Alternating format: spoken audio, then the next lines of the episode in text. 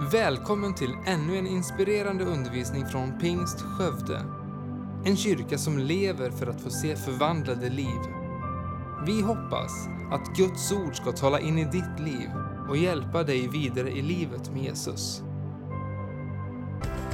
Vill du veta mer om vår kyrka eller komma i kontakt med oss så besök gärna vår hemsida.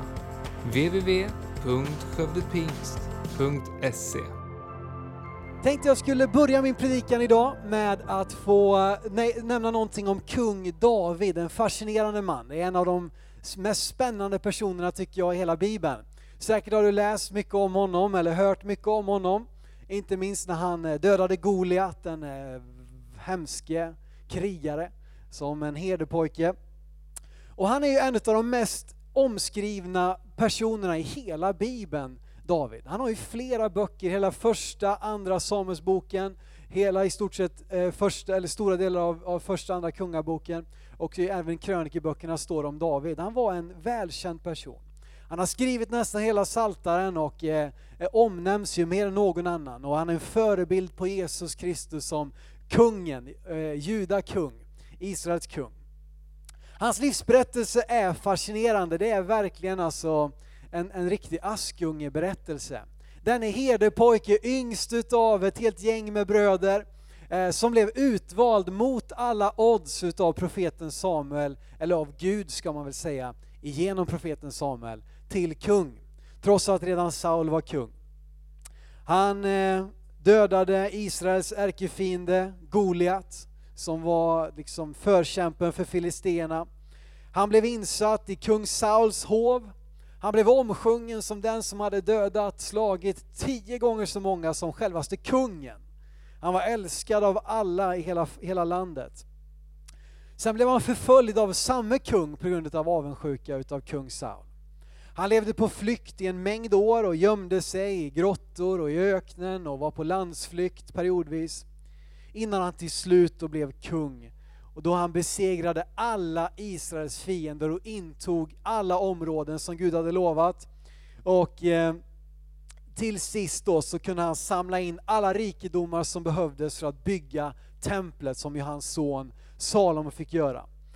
Det var minst sagt en ganska så produktiv person. Han var med om mycket i sitt liv och gick från att vara en enkel herdepojke, säkert från en, visserligen från en rätt så fin familj skulle jag tro, men, men ändå, den yngsta av, av flera bröder. Herde, krigare, kung, men också musiker. Det är lite intressant tycker jag, att just detta kommer in då hos den här ganska blodtörstiga personen. Att han också hade en helt annan sida, som inte var den här råa, tuffa och hårda ytan eh, som, som kanske kom, kom, kom fram ganska mycket i Davids liv. Utan han var också musiker. Han var en, en psalmist, eller han var en, en, en, en verklig bedjare och tillbedjare. Som ju eh, skrev så många utav, utav psalmerna som vi hittar i Bibeln. Och man kan ju fråga sig, vad var nyckeln till alla hans framgångar? Vad var framgångsreceptet? Vad var liksom de hemliga ingredienserna? Vad var det som gjorde att David klarade av allt detta? Jag tror att hemligheten finns att, att finna faktiskt i många utav hans salmer. Jag ska läsa ett bibelord ifrån Psaltaren 26 och 8 som David har skrivit. Där han säger så här i psalm eh, 26 och 8. Herre, jag älskar din boning, den plats där din härlighet bor. David älskade att vara inför Gud. Han älskade att spendera tid i hans närvaro, i hans härlighet. Den plats där hans härlighet bor. Jag är övertygad om att det var det som la grunden. Alla hans timmar, dagar, nätter tillsammans med Gud. Och säkert så var detta någonting som han la grunden till redan ute på som, som herdepojke. Att på ängarna, kanske i en kylig, stjärnklar natt, så satt han där ute och liksom såg på sina får som låg och sov vid en liten eld. Och så satt han där med sin harpa som han hade fått av sin pappa Isai. Och så satt han där och så började han skriva och sjunga och, och, och liksom be ut de här sångerna och hjärtats längtan och hjärtats bön. Och det byggdes fram, det växte fram en stark innerlig gudsrelation som jag är övertygad om var det som gjorde att han behöll ödmjukheten, att han behöll liksom ett hjärta. Det står till och med i Bibeln att han hade ett hjärta, en man efter Guds hjärta. Jag är övertygad om att det var just detta, den här nära innerliga gudsrelationen när han var inför Guds ansikte. Inte minst så kan vi se att det här var inte bara liksom att han var duktig på att skriva utan vi ser en sån psalm som psalm 22 som är den här berömda Messias profetian där han skriver med detalj och, och, beskriver det som hände med Jesus, att de kastade lott om hans kläder och så vidare. Så att David var inte bara en skicklig musiker som liksom kunde sätta ihop orden på ett bra sätt och tonerna på ett skickligt sätt. Han var inte bara ett proffs, även om han nog var ett proffs också. Men han var också, han hade en verklig profetisk skärpa i sina sånger, i sina salmer och böner. Att, och detta kom ju ur den här nära relationen tillsammans med Gud. Jag ska också läsa ifrån Saltaren 27, vers 4-8. Saltaren 27. Och där David återigen beskriver detta, den här längtan, den här innerliga, liksom innerliga passionen han hade över att få vara tillsammans med Herren. Så så här ifrån vers 4 i psalm 27. Ett har jag begärt av Herren, det längtar jag efter, att få bo i Herrens hus i alla mitt livs dagar för att se Herrens ljuvlighet och betrakta hans tempel. Hoppar vi fram till vers 6. Jag vill offra jublets offer i hans hydda. Jag vill sjunga till Herrens ära och lova honom. Hör Herre, jag höjer min röst och ropar. Var mig nådig och svara mig, mitt hjärta tänker på ditt ord. Sök mitt ansikte. Ja, ditt ansikte, Herre, söker jag. Ett har jag begärt av Herren, det längtar jag efter. Att få bo i Herrens hus i alla mina livsdagar. Och han levde sitt liv inför Guds ansikte. Och det är också rubriken på min predikan idag, inför Guds ansikte. Kanske att det passar rätt så bra så här, vi håller på att avsluta ett år, vi är på väg in i ett annat. Och jag tror att det här är faktiskt en tid då vi kan fatta beslut inför det som komma skall. Oavsett hur vi känner att året har varit, oavsett hur vi känner att julhelgen har varit eller vad det nu än är. Vi kanske har precis drabbats av sorg som några som är här bland oss idag. Vi kanske känner att 2014 har varit ett år långt ifrån Gud. Men oavsett hur din situation ser ut så tror jag att vi den här förmiddagen, den här söndagen kan få komma inför Guds ansikte, kan få dra oss nära honom. Och det är det jag skulle vilja tala om idag. När man talar om det här ämnet så finns det ju så mycket som man skulle vilja benämna eller nämna och tala om. Och jag tänker i huvudsak att det finns två liksom huvudspår. Dels det här personliga bönelivet, den här personliga stunden inför Gud. Och det är det som vi verkligen vill belysa, uppmuntra och inspirera till genom vårt här årstemat Vi är läsare.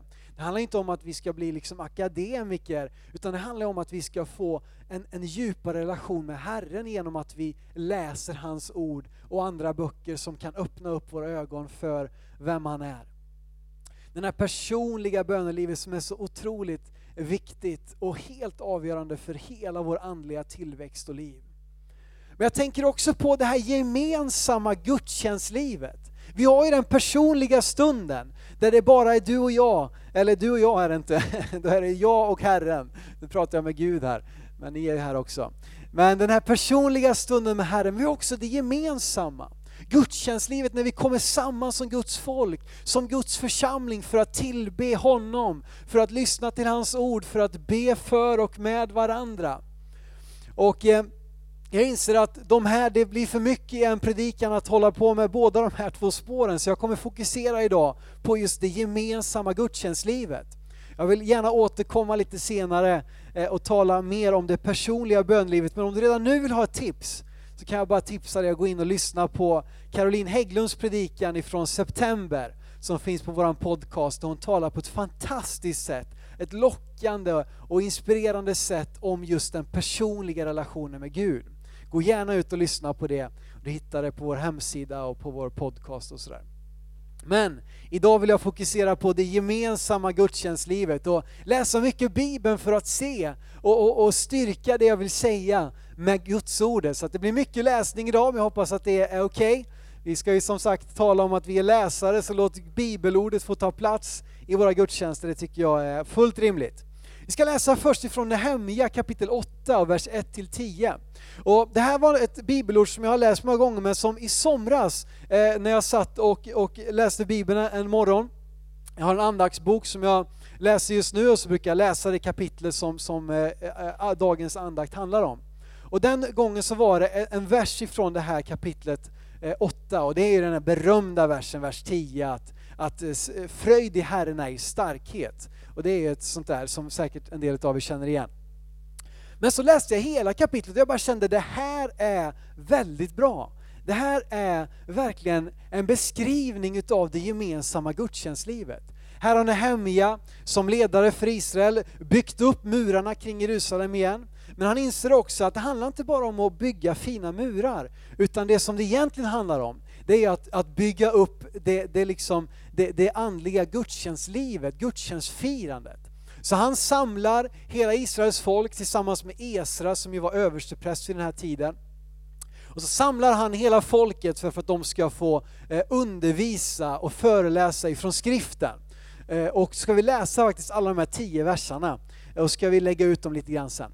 Det står så här från Nehemja kapitel 8, vers 1-10. När sjunde månaden kom och Israels barn bodde i sina städer samlades folket alla som en man på den öppna platsen framför vattenporten.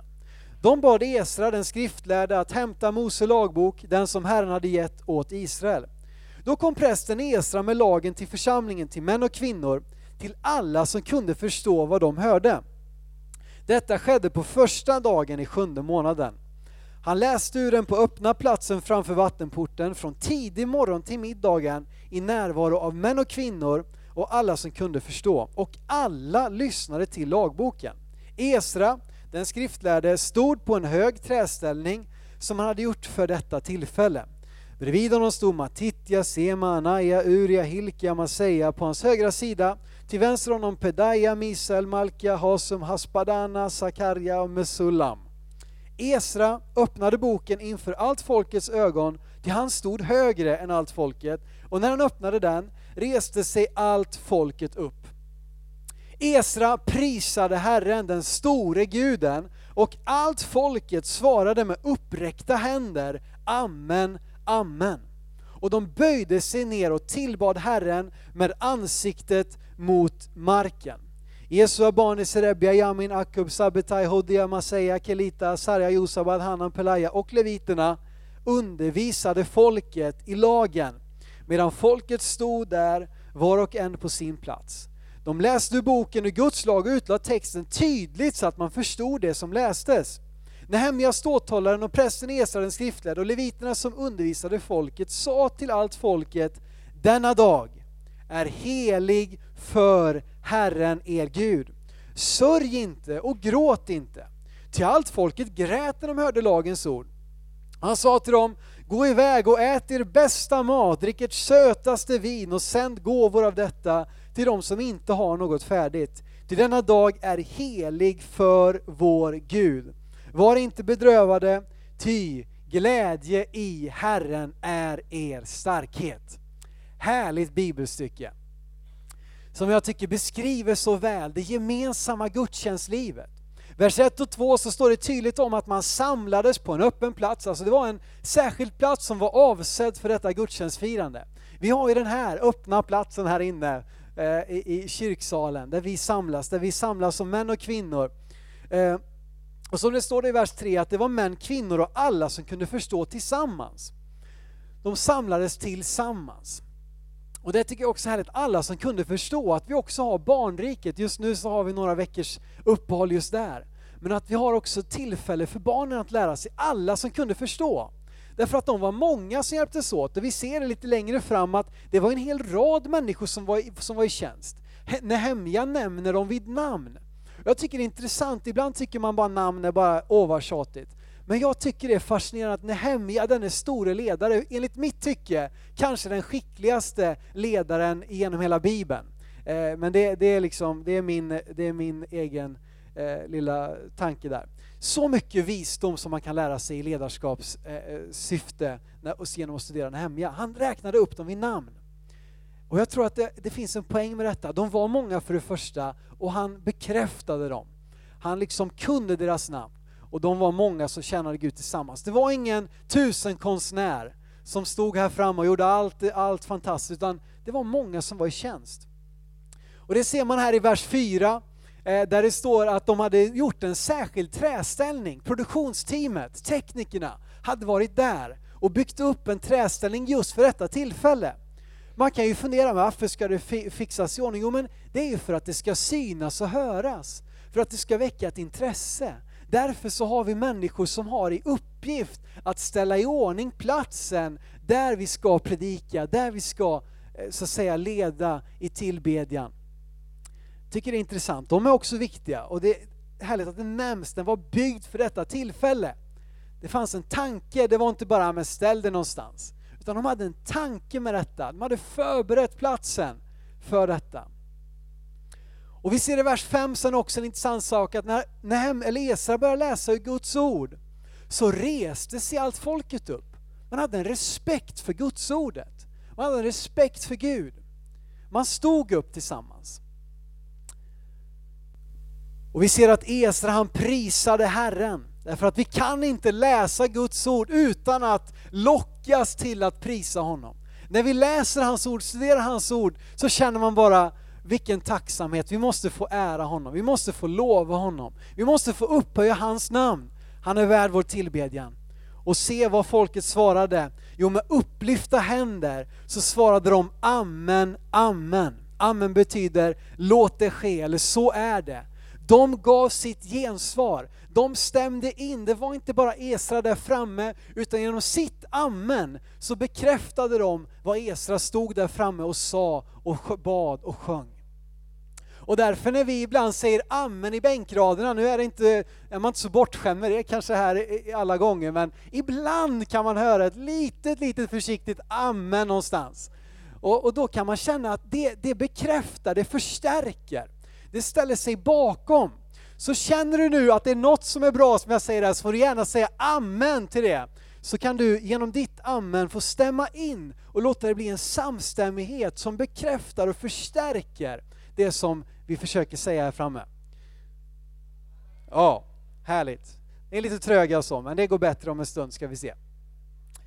Som sagt, vers 7, det var ett lagarbete. Esra hade en tydlig redarroll. Han var översteprästen, det var han som så att säga stod där på den här höga träställningen. Men vi ser att alla de andra var i funktion. De tjänade, de undervisade, alla. Säkert olika grupper, kanske lite olika språk, vad vet jag. Eh, och så var de igång, ett helt gäng, och undervisade folket. De, och vers 8, det här är viktigt, det här skulle många predikanter, säkert jag själv, behöva läsa extra noga, vers 8. Att de utlade texten tydligt så att man kunde förstå. Det är en viss poäng med det. Eh, ibland så står man här framme och pratar i gåtor och, och liksom det, man är mer förvirrad när man går än när man kom och så vidare. Men vi behöver en utmaning att vara tydliga med det vi förkunnar. Så att man kan göra någonting med det, att man kan ta det med sig. Okej, okay och vers 9-10, när de hörde ordet så blev många, de, de drabbades av sorg, de började gråta för de kände nog att de var så långt ifrån det som Esra förkunnade. Så att de började sörja, de började skämmas, de började gråta. Men vad säger Nehemja, Esra, leviterna? De gick runt och sa, hej, sluta gråt, sluta sörj, det här är Herrens dag, den är helig för honom. Idag ska vi vara glada, idag ska vi äta den bästa maten, den finaste drycken och vi ska bjuda dem som inte har någonting förberett. Visst är det härligt? Att Herrens dag är inte en dag för sorg, utan det är en dag för glädje och tacksamhet för vad han har gjort. Amen, härligt! Nu kände vi allesammans här och det förstärktes det jag sa här. Underbart. Jag skulle lyfta fram några saker som jag tror jag skulle vilja förklara därför att det kan vara så lätt att vi ser saker, det händer saker i våra gudstjänster och man undrar varför ska det där vara nödvändigt och är det där verkligen någonting att och, och liksom hålla på med och, och så vidare. Men jag skulle vilja visa faktiskt några saker som jag tror är, är fullt bibliskt och som, som, som jag kanske kan hjälpa någon. När vi gör detta, det gemensamma gudstjänstlivet, så tror jag inte minst från de här två sista verserna att det ska ske med glädje och dans. Får man dansa i kyrkan? Ja, jag tror det. Låt oss läsa Andra Samuelsboken 6, vers 12-15. Här är kung David igen. Han ska nu föra arken in i mitten utav Israel, in i Jerusalem. Det har varit hemma hos Obededom, eh, fått mellanlanda där lite grann. Men nu har David tänkt att nej men arken den måste vara i centrum. Låt oss föra upp den till Jerusalem. Och så att vi kan bygga ett tabernakel och senare också ett tempel där vi kan tillbe honom. Står så här, Andra Samuelsboken 6, 12-15. Eh, det blir berättat för kung David att Herren hade välsignat Obededoms hus och allt vad han ägde för Guds arks skull. Då gick David och förde Guds ark ur Obededoms hus upp till Davids stad under jubel. När de som bar Herrens ark hade gått sex steg framåt offrade han en tjur och en gödkalv. Själv dansade David med all kraft inför Herrens ansikte och David var iklädd en linneefod. Så hämtade David och hela, Israels, eh, hela Israel Herrens ark dit upp under jubel och basuners ljud. Det står också när de tågade in i Jerusalem att David sprang före allting ganska lättklädd och dansade med full kraft och hans hustru Mikael tittade på honom och skämdes. Hur kan han dansa inför Guds ansikte? Hur kan han vara så lättklädd? Han är ju precis som de där liksom lössläppta eh, liksom prostituerade och löst folk och så vidare. Men jag tror att, att David lär oss någonting. Och länge tror jag att det har funnits en missförstånd. Jag tror säkert många av er här har hört att dans, det är, liksom, det är syndigt och det ska vi inte hålla på med. Särskilt inte i kyrkan kanske. Eh, men jag tror att dansa inför Herrens ansikte, det är någonting som vi ska få vara uppmuntrande till och som vi ska få, inte likt Mikael, titta på dem som dansar och tycka aja baja, det där är inte riktigt bra. David själv dansade med all kraft inför hans ansikte. Sen tror jag inte heller att alla ska tvingas dansa, eh, för allas bästa kanske, utan, utan de som har den här gåvan, de som har den här längtan, låt dem dansa. Och vi som kanske känner oss lite mer stela och sådär, låt oss inte titta snett på de som dansar, utan låt oss få stämma in. Och detta med glädje, det tror jag vi alla kan göra. Och du kanske kan dansa lite grann inombords, vad vet jag. Det är härligt med glädje och dans. Någonting ytterligare då, varför ska det vara så här? Jo, men jag tror att vi kan göra detta med hög röst. Med hög röst, varför ska det vara med hög röst? Ska det inte vara stilla och tyst och lugnt och skönt och fridfullt? Det kan det också vara, absolut. Men jag tror också det finns en poäng i att ibland få höja sin röst. Att få tala ut, att få låta det ljuda, att få låta det höras. Det finns en intressant bibeltext i första kungaboken Eh, där Salomo då, Davids son, har byggt templet och ska de inviga detta. Och de har en stor invigningsceremoni. Och Salomo som kung eh, i landet, eh, som ledare, han ledde en, en, en förbönstund kan man säga. En, en, liksom, en del av den här invigningen. Och vi ska läsa några verser av detta ifrån första kungaboken 8, vers 22. Sen ska vi hoppa över ett helt gäng verser fram till vers 54 och 55. Det står så här. Därefter, ifrån vers 22. Därefter trädde Salomo fram för Herrens altare inför hela Israels församling. Han räckte ut sina händer mot himlen och så började han att be. Sen har vi en 32 verser lång bön. Det är väl härligt att det får vara 32 verser med bara en lång bön i Bibeln tycker jag. Och sen kommer vi till slutet i vers 54 och ska vi se vad det står där, bara för att se liksom hur, hur det gick till, inte exakt innehållet i bönen. När Salom hade slutat med dessa ord be och åkalla Herren steg han upp från Herrens altare där han hade legat på knä med händerna lyfta mot himlen. Han steg fram och välsignade Israels hela församling med hög röst. Han talade så att det hördes. Han lyfte sin röst och vet du vad, våra tankar är väldigt svåra att kontrollera. Om du fick följa med i mina tankar en vecka, då skulle jag blivit avskedad från den här kyrkan tror jag, fortare än kvickt. Därför att våra tankar, vet du, där kan det hända lite allt möjligt. Jag tror att om vi är ärliga så vet vi att mycket av det som kommer in här och kanske spenderar mer eller mindre tid i våra huvuden är inte så lämpligt att alla gånger dela med sig och mycket av det behöver vi faktiskt jobba med att sluta tänka på. För att våra tankar, och jag tror inte heller vi kan kontrollera våra tankar. Vi kan inte hindra att det kommer tankar. Vi kan hindra däremot om de får slå rot och frodas och odlas. Men våra ord däremot, de kan vi kontrollera. De kan vi, de flesta utav oss. Självklart säger vi förhastade saker och överilade grejer. Absolut. Inte, jag, inte minst jag själv, det kan jag verkligen stryka under. Men för det mesta kan vi kontrollera våra ord. Och när Gud till exempel skulle skapa världen så står det inte att han tänkte var det ljus och det var ljus, utan han sa var det ljus och det blev ljus. Han sa, han använde sin röst därför att det finns en kraft i våra ord.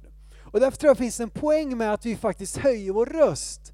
Och inte minst ska jag vilja uppmuntra dig till det i din personliga bönestund tillsammans med Herren. Kanske känns fånig, vad ska jag be högt? Det är ingen som lyssnar. Och Gud förhoppningsvis, han lyssnar. Så att du kan om inte annat få, få be högt för hans, för hans skull. Så jag vill uppmuntra dig till det faktiskt, att när du är hemma i din ensamhet, faktiskt be med hög röst. Det handlar inte om att skrika, men, men att, det, att, det, att det låter, att det hörs. Därför att det finns en kraft i våra ord. Och inte minst när vi stämmer in tillsammans och vi lyfter vår röst i bön, eh, när vi lyfter vår röst i lovsång, när vi lyfter vår röst i, i liksom att säga ett amen för att bekräfta det som predikas och ge det legitimitet och kraft, så tror jag att det finns en poäng med detta.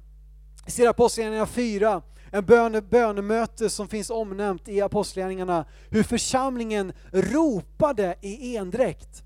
Alltså det finns, det finns, jag tror det finns en poäng ibland med att lyfta rösten, och ibland till och med att ropa, även om inte det är en poäng med just hur starkt det låter, självklart inte. Men våra ord har kraft, så låt oss ha ett gemensamt gudstjänstliv där vi vågar ha, eh, eh, höja vår röst och tala ut. Någonting mer med uppräckta händer. Oj, oj, oj, nu blev det känsligt här kände jag. För vissa så är detta någonting, ja men det där med uppräckta händer, nu för tiden ska alla lyfta händerna och, och, och sen tror jag, det är definitivt ingen ny företeelse, men det kan vara lätt att man tror att det där med lyfta händerna, det är ju det är liksom, det är bara någon grej man gör och varför ska det vara bra? Och är det verkligen någonting Gud vill? Och, och är man liksom inte, är inte det bara någon, någon Hillsong-grej eller någon, någon särskild kyrka-grej? Eller vad, vad är det där med lyfta händer egentligen? Jag vet inte om du har lagt märke till det, men flera av orden vi har läst redan nu, så står det om att de hade lyfta händer. När, när Esra föreläste så svarade folket med upplyfta händer, amen, amen. Salomo låg på sina knän och bad för folket med lyfta händer. Och nu ska jag ta med dig på och läsa de här bibelorden som står där. Vi kommer ta dem snabbt, men vill du göra anteckningar, skriv gärna ner dem, så ska du få se här på gång efter gång hur Bibeln uppmanar oss att lyfta våra händer. Varför då? Jo, men det ska vi se här i de här bibelorden. Första Timoteusbrevet 2, vers 8. Paulus skriver, Jag vill nu att männen på varje ort ska be med heliga upplyfta händer, utan vrede och diskuterande. Ibland är vi ganska bra på att diskutera, men jag tror vi skulle vara lite bättre ibland på att lägga det åt sidan, lyfta våra händer och be till Herren. Psalm 141, vers 2. Låt min bön gälla inför dig som ett rökoffer, mina lyfta händer som ett aftonoffer. Det är alltså ett offer inför Gud, att lyfta sina händer. Att vi lyfter upp någonting till honom. Det handlar inte bara om att liksom ha, fånga någon slags atmosfär och, och skapa någon slags stämning, utan det handlar om att, att det får stiga upp som ett offer till Gud. Man gör sig själv lite löjlig, det är lite fånigt kan tyckas att stå med lyfta händer. Men låt oss vara lite fåniga ibland om det sker till Herrens ära. Psalm 63, vers 5. Jag ska lova dig så länge jag lever, i ditt namn ska jag lyfta mina händer. I Guds namn, så när vi sjunger ut namnet Jesus, så får vi lyfta våra händer i hans namn. Vi lyfter inte våra händer liksom i Zlatans namn eller i, i någon annan liksom persons namn eller någon annan Guds namn. Vi lyfter våra händer i Jesu namn, till hans ära, ett offer till honom. Klagovisorna 3, 40-41. Låt oss ransaka våra vägar och pröva dem, låt oss vända om till Herren. Låt oss lyfta upp våra hjärtan och våra händer till Gud i himlen. Så att våra lyfta händer är ett tecken för våra lyfta hjärtan upp till Herren. Och jag tror det finns en frihet i detta att få lyfta sina händer som ett offer till Gud. Som en ära till Gud i hans namn. Att det också är ett tecken på att vi lyfter våra hjärtan för honom. Och jag vet att det här är lite känsligt och jag vet att för vissa så känns detta väldigt låst. Men jag önskar och min bön är att bibelordet skulle få vara det som vägleder oss. Att vi låter ordet forma oss och inte vi forma ordet. En annan sak jag vill säga och som vi ser i hela bibeln i det gemensamma gudstjänstlivet så skedde det med lovsång. Med lovsång. Andra krönikeboken 29, 28 30. Återigen, ett tillfälle där församlingen var samlade. Det står så här, Andra krönikeboken 29, 28, 30.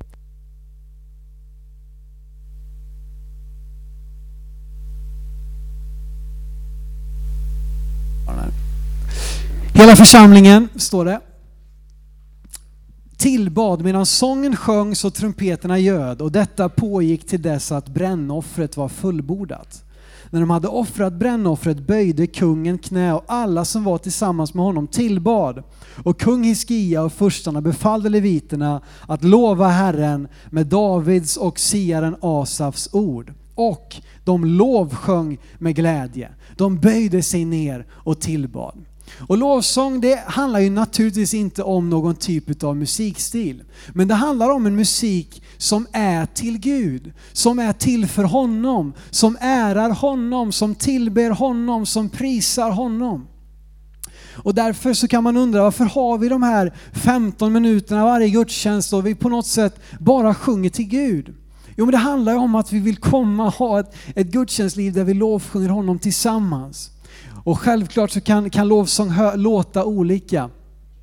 Men jag tror att det finns en poäng i just detta att vi har en stund, en sång där det inte handlar om att vi först och främst ska bli betjänade utan att vi får betjäna honom. Andra krönikeboken 5, 13, 14 står det så här. Trumpetblåsarna och sångarna på en gång och samstämmigt stämde upp Herrens lov och pris. Och när man lät trumpeter, cymbaler och andra instrument ljuda och man började lova Herren därför att han är god och därför att hans nåd varar i evighet. Då blev huset, Herrens hus, uppfyllt av ett moln så att prästerna för molnet skulle inte kunna stå där och göra tjänst. Ty Herrens härlighet uppfyllde Guds hus. De hade många instrument, cymbaler, trumpeter, andra instrument. Och jag tycker det är härligt att vi, att vi har så många duktiga sångare och musiker här som använder sina instrument för att ära Herren. Och vi ser här också, det är något som återkommer så många gånger när det handlar om att de tillbad och lovsjöng Gud. Det står nästan alltid, de tillbad honom därför att hans nåd, eh, nej vad står det här? Därför att hans nåd varar i evighet. Herren är god och hans nåd varar i evighet. Den frasen kommer tillbaka nästan alltså på så många ställen där det handlar om lovsång och tillbedjan. Och jag tycker det säger någonting om, om liksom att det handlar om honom. Att det sjunger om honom till honom. Eh, till hans ära. Tacka Herren till han är god och hans nåd varar i evighet. Till sist vill jag säga någonting som också handlar om något vi ofta gör. Nämligen att när jag läser Bibeln så ser jag att när människor kommer inför Gud, nu, handlar det, nu talar jag inte bara om liksom att, att, att eh, ja, man har någon slags eh, allmän stund eller så, utan när man kommer inför Gud, då verkar det som att man gör det på knä eller på sina fötter. Hela tiden så är de antingen på sina fötter eller på sina knän. Väldigt ofta på sina knän, men också ganska ofta på sina fötter. Du får gärna visa mig om jag har fel. Men man kan fråga sig varför ska man stå upp? Det är, varför, ska man, varför säger ni åt oss att stå upp för? Därför att det handlar om vem det är vi precis är på väg att börja sjunga om. Det handlar om honom. Jag vet inte om ni har tänkt på det men ibland i rättegångar så säger man att reser upp för domaren. Domaren ska komma och ta plats, då ska alla i hela rättssalen resa sig upp av respekt för domaren. Och i gamla tider så kan man se liknande saker om all rise for the king, liksom att nu kommer kungen. Och då ska man resa sig upp av respekt för kungen. Och jag tror det finns någonting i detta faktiskt att visa respekt för Herren. Så när vi talar om och uppmuntrar människor här att resa sig upp när vi ska få lovsjunga honom och tillbe honom, så handlar inte det om att liksom, återigen, att det är någon grej vi gör. Det handlar om vem vi är på väg att tillbe. Vi är på väg att komma inför den levande guden. Vi är på väg att börja sjunga sånger om kungars kung och herrars herre till hans ära. Och då tror jag att vi ska göra det av respekt på våra knän eller på våra fötter. Självklart säger jag inte det att om man har liksom hälso, eh, alltså man har, man har svårt med sin kropp och sin hälsa, om man har ont och så vidare. Självklart så behöver man då inte så att säga känna att oj nu är jag dålig här som inte står upp. Men jag tror det finns en poäng av detta att ha respekt för Gud. Och så många gånger när jag hör klagomål om olika saker, inte minst när det kommer till lovsång, så är det väldigt mycket jag-centrerat. Varför ska jag göra det här? Varför ska jag lyfta mina händer? Varför ska jag behöva stå upp? Varför ska jag behöva sjunga med? Ja men tänk om du kunde vända på steken och att lovsången fick handla 100% om Gud. Ja men jag kan stå upp för hans skull. Jag kan lyfta mina händer i hans namn. Jag kan sjunga med därför att det är honom jag ärar. Och inte att det handlar om mig, jag, mig och mitt. Och kanske att du också känner ibland att det inte, man känner det inte läge att tillbe Gud. Det är så tungt just nu. Jag har det så jobbigt, det har varit så motigt och jag har varit med om så mycket jobbiga saker. Jag tycker det är så fantastiskt med exemplet med Paulus och Silas i fängelset. När de satt i den mörkaste fängelsehålan, oskyldigt fängslade, säkert torterade, piskade, satt där utan mat och vatten. Mitt i natten så började de att lovsjunga honom. Och vet du vad, ibland när timmarna är som mörkast så tror jag att lovsången behöver vara som starkast. Jag ska säga det igen för det var så väldigt bra, så kan ni vara med på att säga ett amen efter det. Ibland när timmarna är som mörkast så tror jag att lovsången behöver vara som starkast. Jag tror det, åh, det där var bra. Och vi ser det gång på gång. Mose inför den brinnande busken, platsen där du står är helig. Ta av dina, ta av dina skor. Josua inför Herrens ängel, likadant. Platsen där du står är helig mark, ta av, dina föt, ta av dina skor. Och vi ser ju på så många ställen hur man också böjde knä. Och det är också någonting jag tror att vi skulle behöva återerövra. Och jag vet att många av er som är lite äldre minns bönemöten. Där det första man gjorde det var kommando så la sig alla på knä. Och så låg man där tills man hade bett färdigt.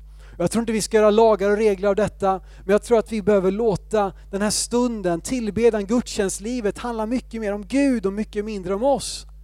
Och av respekt för honom så står jag upp. Av respekt för honom böjer jag mina knän. Av respekt för honom lyfter jag mina händer. Av respekt för honom så säger jag amen, amen till det som hans ord säger. För att jag vill bekräfta och stärka det som han har sagt. Amen, lovsångsteamet ni kan gärna komma fram här så ska vi ta en stund nu i slutet på vår gudstjänst och vi ska få återigen få komma inför Guds ansikte. Jag hoppas att det här har hjälpt dig och jag hoppas också att det faktiskt har kanske lite grann utmanat en del.